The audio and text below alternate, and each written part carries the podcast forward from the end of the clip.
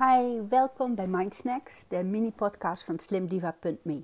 Ik ben Lilian, ik ben 25 kilo afgevallen en ik deel mijn tips met jullie op deze podcast. Nou, je bent op dieet en toch gaat het getal op de weegschaal omhoog. Help, hoe kan dat? Nou, dit ben jij. Je gaat op de weegschaal staan en schrikt. Wow, ik ben veel te dik. Ik moet er echt iets aan gaan doen. Op het internet ga je op zoek naar diëten. Ga je keto doen? Ga je naar Weight Watchers? Ga je aan de shakes? Ga je calorieën tellen? Intermittent fasting? Ziekenhuisdieet? Sonja Bakkeren? Mediterraan dieet? Southby dieet? Spoiler, elk dieet werkt. Het maakt niet uit welk dieet je kiest. Zolang jij minder calorieën binnenkrijgt dan je verbruikt, zul je afvallen. Altijd. Nou, je hebt je keuze gemaakt, bijvoorbeeld calorie, uh, koolhydraatarm eten. Je prikt de datum, meestal een maandag, en je staat te popelen om te beginnen. Dit keer gaat het echt werken. Je voelt het. Je bent vol vertrouwen in de werking van je dieet. Je gaat elke ochtend op de weegschaal staan. Beetje gespannen. Ben je afgevallen? Beetje vrolijk. Dit moet goed gaan, want ik heb streng gelijnd. En jawel, de weegschaal geeft een lager getal aan. Van binnen juich je, dieet werkt. Vol goede moed ga je verder. En je blijft afvallen. En dan opeens geeft de weegschaal een hoger getal aan. Je humeur zakt met 10 graden naar beneden. Je gaat nog een keer op de weegschaal staan. En nog een keer. Je zoekt een andere plek in huis om weegschaal neer te zetten. En je gaat er weer op staan. Je bent bijgekomen, zegt de weegschaal. Je voelt je helemaal ontmoedigd. Je hebt je zo aan je dieet gehouden. Je hebt echt afgezien en nu ben je weer zwaarder. Dieet werkt niet. Palen. Wat is er nu gebeurd? Je hebt het getal op de weegschaal macht over je denken gegeven. Het getal heeft je overtuigd van je falen. Je hebt weer gefaald. Je kunt niets fatsoenlijk doen. Zie je wel? Maar het getal op de weegschaal is maar een getal hoor, meer niet.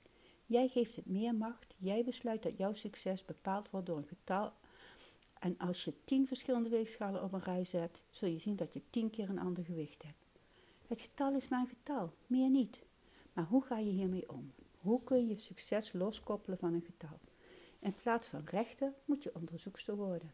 Dat houdt in dat het getal op de weegschaal maar één van de meetpunten is en meer niet. Andere meetpunten zijn bijvoorbeeld je taille, heup en bovenbeen meten, één keer per maand. Of zogenaamde niet-weegschaaloverwinningen.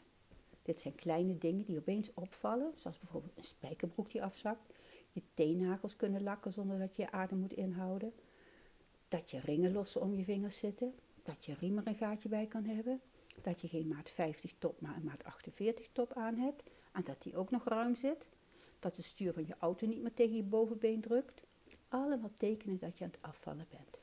Het getal op de weegschaal moet je dus niet als leider zien. Het is maar een momentopname die door invloeden van buitenaf beheerst wordt. Invloeden waar je helemaal geen grip op hebt.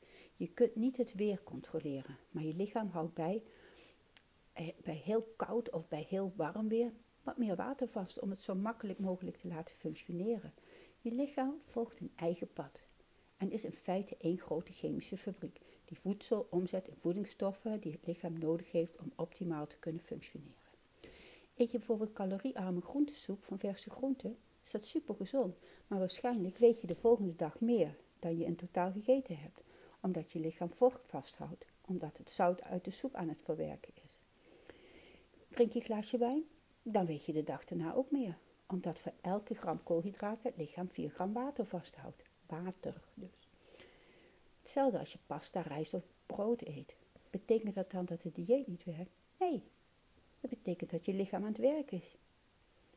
Je bent met sporten begonnen. Je lichaam houdt extra vocht vast om de spieren te kunnen herstellen komt je menstruatie eraan. Sommige vrouwen wegen dan wel 2 kilo meer.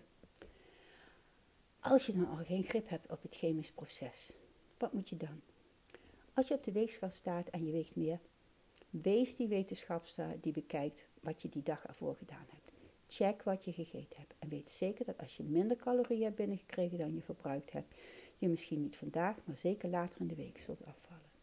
Bij sommige vrouwen gebeurt dat redelijk geleidelijk aan.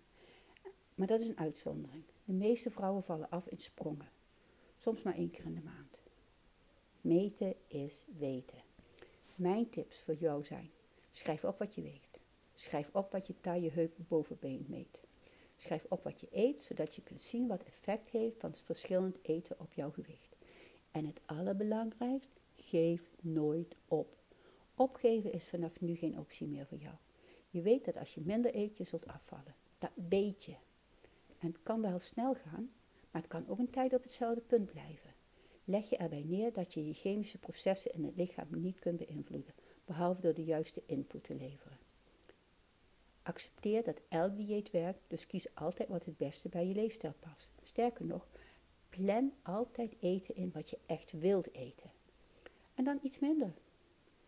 Diëten met te veel restricties zijn nooit vol te houden en dan ben je dus bezig om je eigen graf te graven. Een dieet is namelijk een leefstijl die je tijdelijk wil aanhouden, totdat je het ideale gewicht bereikt. En dan, ja. Wat dan? Eet gewoon je normale eten, maar minder. Wees een onderzoekster die het leuk vindt gegevens te verzamelen en te ontdekken welk eten het lekkerst is om gewichtsverlies als resultaat te hebben. Zorg dat je het afvalproces leuk vindt.